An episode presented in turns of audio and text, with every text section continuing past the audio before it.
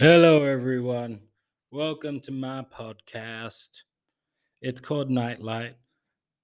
I called it Nightlight because I hope to shed a light on all of the dark, dodgy stuff that's going on in our society that I think people should know.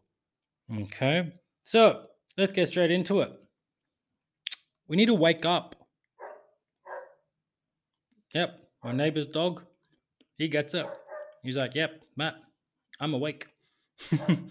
because to get straight to it, um, we're this is going to be hard to say, um, but we're heading for extinction. We are. The Earth is currently in the midst of the sixth mass extinction. So, why I do admit that the Earth is doing its thing. Unfortunately, we are massively, massively exacerbating it and driving uh, the human race even further um, to the point of extinction. And if we can change direction uh, sooner rather than later, um, we can hopefully scrape through. Let's put it that way. Uh, uh, judging by the latest climate science, uh, to give you a simple analogy, kind of feels like the human race collectively needs to hand in a PhD, and we've got about three months to do it, and we're disorganized, and not even like half the countries even want to participate. That's where we're at. That was the conclusion from the last climate summit in Glasgow only a couple of weeks ago.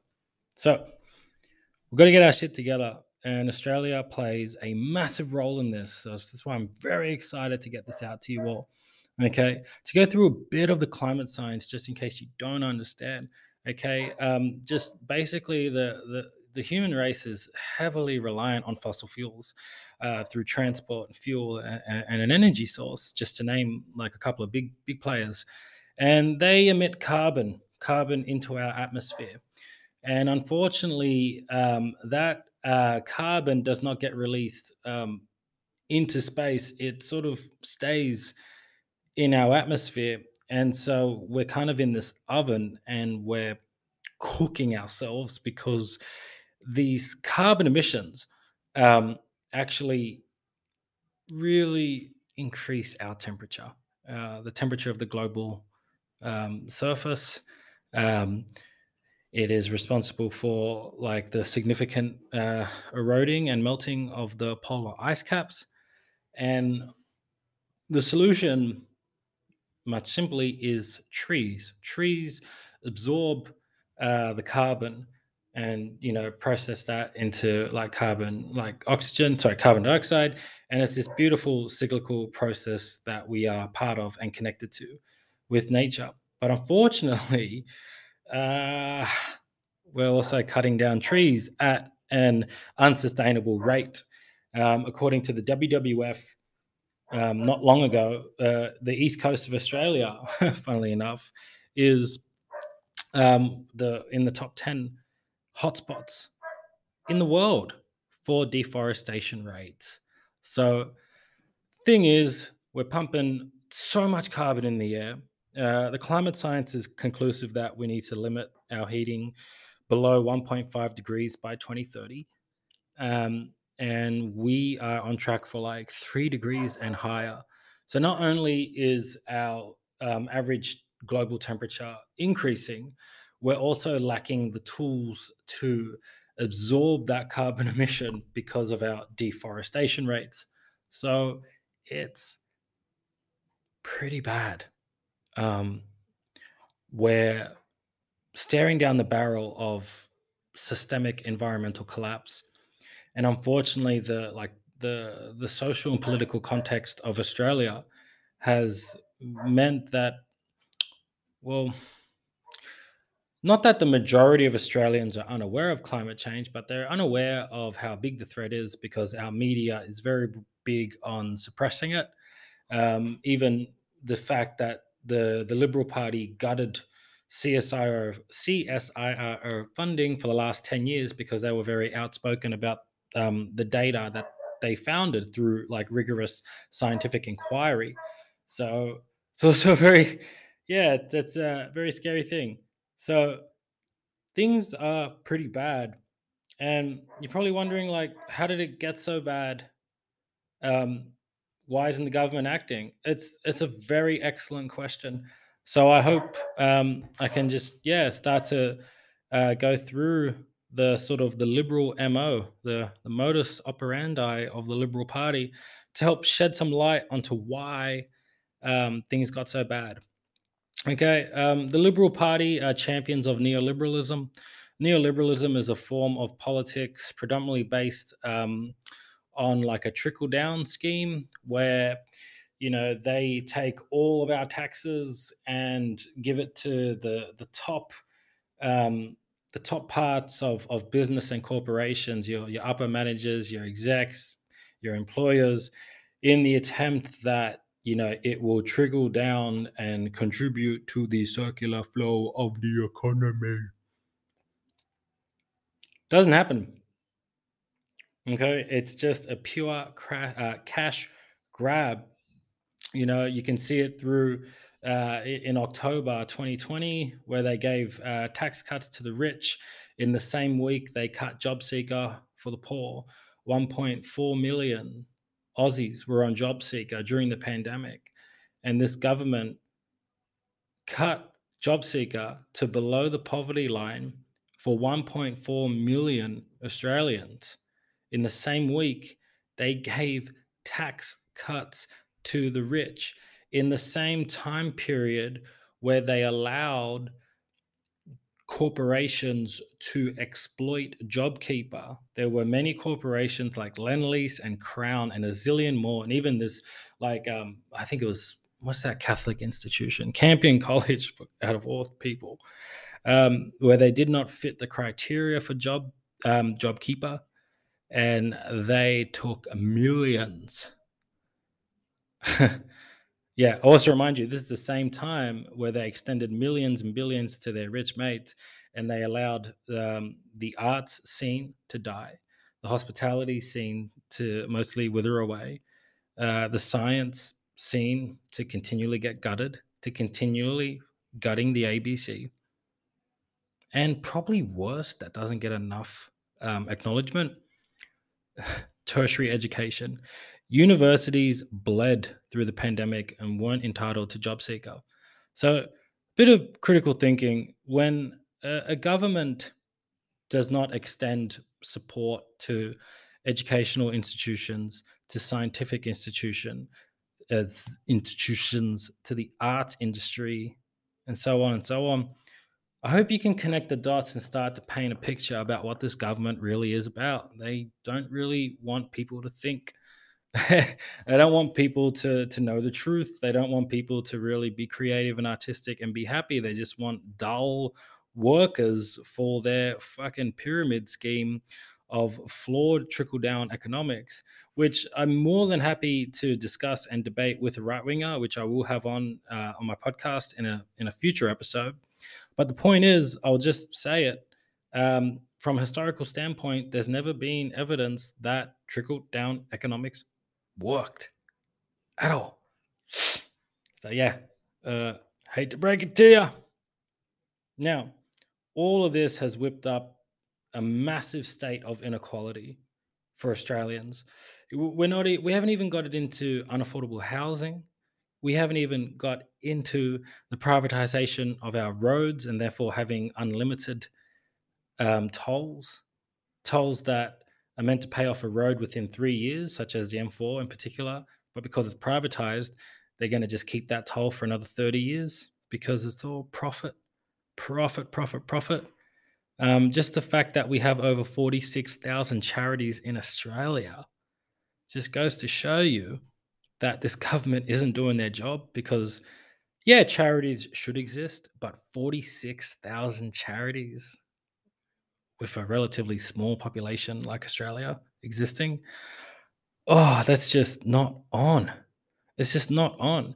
And not to mention the robo debt scandal, where the government whipped up fake fake debt notices that were proven illegal in a court of law to harass Centrelink people to pay back So yeah, this robodebt scandal, which was proved illegal, and the Liberals had to settle out of court to the tune of billions of dollars because, quite simply, it looks very bad if Liberal politicians take the stand.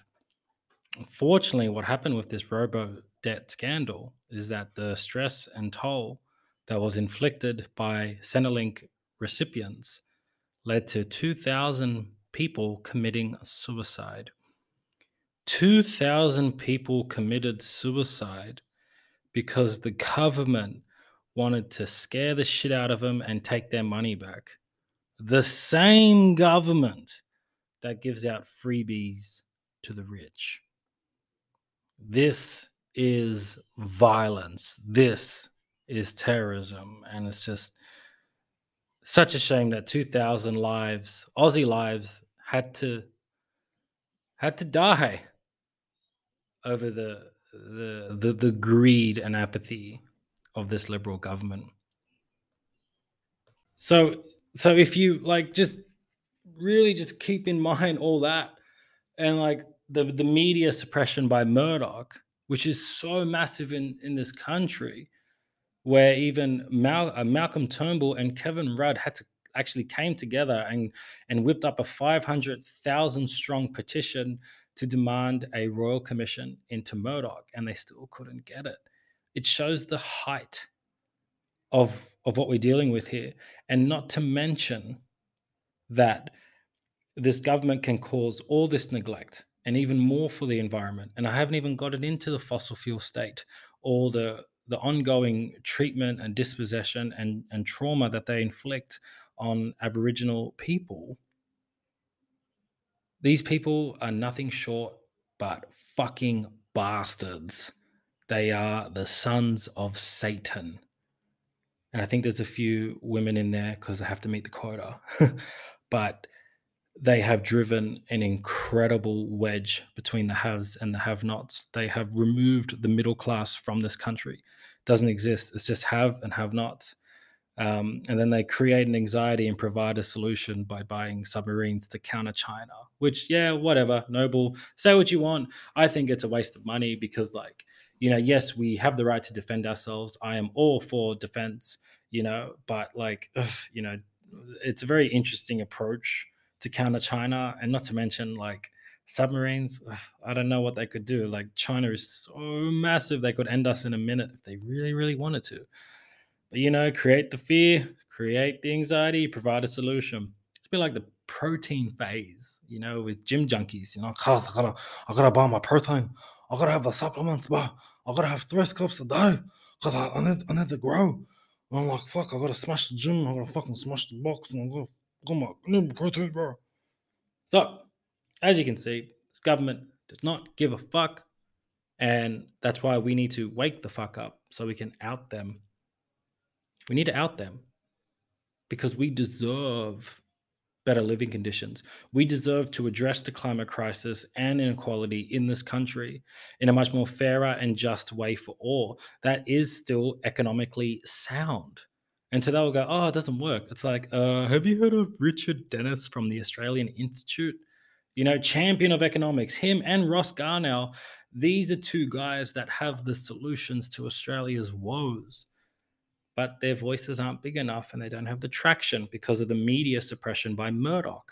And if you want to dig a little bit deeper into the media suppression of Murdoch and the unbridled corruption um, that has embroiled our Liberal government, you know, watch Democracy for Sale. It's a really informative documentary. Watch Dirty Money. Um, follow Michael West Media. Um, there's a few little things you can do so you can get a clearer picture of what is going on because we need average Aussies, regardless of what you believe politically, socially, mentally, to put it together so we can be more aware and more conscious and vote these fuckers out because they're driving us to extinction. Like the fact they won't even um, implement a, a scientific based climate policy says everything you need to know about this government.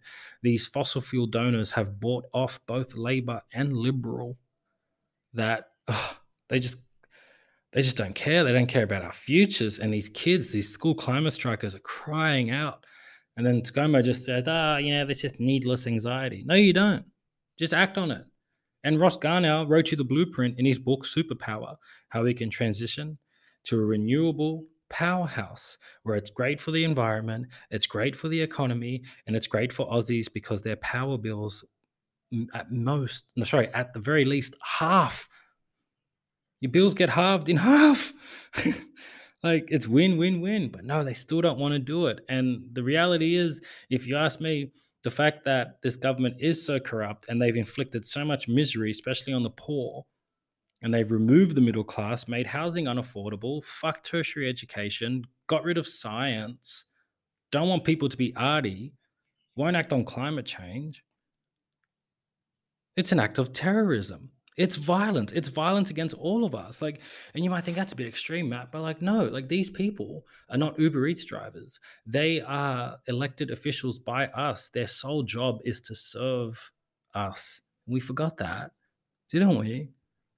They are meant to be safeguarding our future. They are doing the complete opposite. They are harming our future.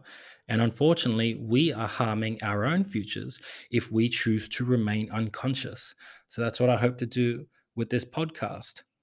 And to just give you a further scope about um, just how low this government goes, like you only have to look at the religious discrimination bill that pretty much just allows, you know, conservative business owners and employers to discriminate against queer people. You only have to look at the liberal backed Mark Latham anti trans bill that removes key support for queer and trans kids in schools and effectively outs them to their parents at a very vulnerable age in their life puberty. They don't give a fuck. The solutions are there. And as long as I keep tooting the trumpet on these solutions, I hope I hope we get there. But we can only get there if we wake up. And that's what I hope to do with this podcast. And just to help you a bit more, I like to give you some tools. Like when it comes to critical thinking and finding out things for yourself, um, ask yourself these questions, especially when you read um, on a particular policy that the Liberals come out. First of all, if uh, if they announce a policy, straight away you have to ask yourself, who stands to benefit from this? In other words, follow the money trail, and you'll get your answer.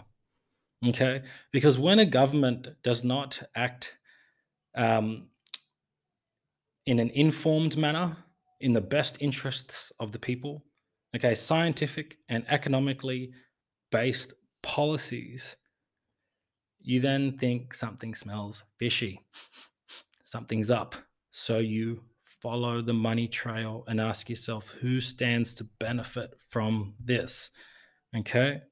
And if anyone disagrees with anything that I'm saying, that's great. I love disagreement. I want to hear your opinion. Come together. Let's break bread. Okay. You know, I, I really want to understand the other side because um, we it, it's time. It's it's time to unite. Because this government is running away with our futures. They're not addressing environmental collapse and if we don't do anything in the next one to five years, our living conditions are going to become extreme. And remember, when it comes to our current climate, we are one of the, we're in the top 10 for deforestation rates in the world. We are load per person, we are the highest carbon emitters in the world. We're the third largest exporter in fossil fuels. And to top it all off, Australia is prone to drought and bushfire, and these cycles are going to intensify the more we don't act. We are creating a recipe for disaster, and the government's not acting. Like, if you've got a drought and bushfire issue, and you believe in the climate science, and you know that we are in the top 10 for the highest deforestation rates, you will start to think, shit, we need to act now. But this government won't even make housing affordable. Like, where's the dignity in this government? Where is the the service for the common person? It's a different set of rules for the rich and a much harsher set of rules for the poor. As what MLK said, it's socialism for the rich and rugged individualism for the poor. The corporations get tax cuts while those corporations make donations to those political parties. And round and round they go, servicing each other like a fucking circle jerk. That is socialism and rugged individualism for everyone else. Sorry, you have uni fees that are triple the price. Oh, yep, average house, $1 million. Oh, yep, and that thing about climate change. Sorry, gotta go. Okay, we are in an emergency and we're not acting like it. So I hope this podcast is one step closer to acting like we are in emergency. We need to get off the couch and we need to get onto the streets. Period. It's going to take everyone to come together. I don't care what label you go on. I don't care what you believe. Okay, I love and respect all your different beliefs. It's what makes this life beautiful that we all don't think the same. How boring would life be if everyone thought the same and dressed the same? So I love that people have different perspectives. It's great. But if there's one thing we need to get united and clear on, it's this. We need to get very clear on the facts and the facts are that we are heading for extinction. The climate science is clear, and we need to act now. This government does not care about you, only the rich. And we need to come together and force them into taking just action. Thank you for listening to my podcast. I love you all. Have a great night. Have a beer, have a smoke, whatever floats your boat and I'll hear from you later. Take care. Be love.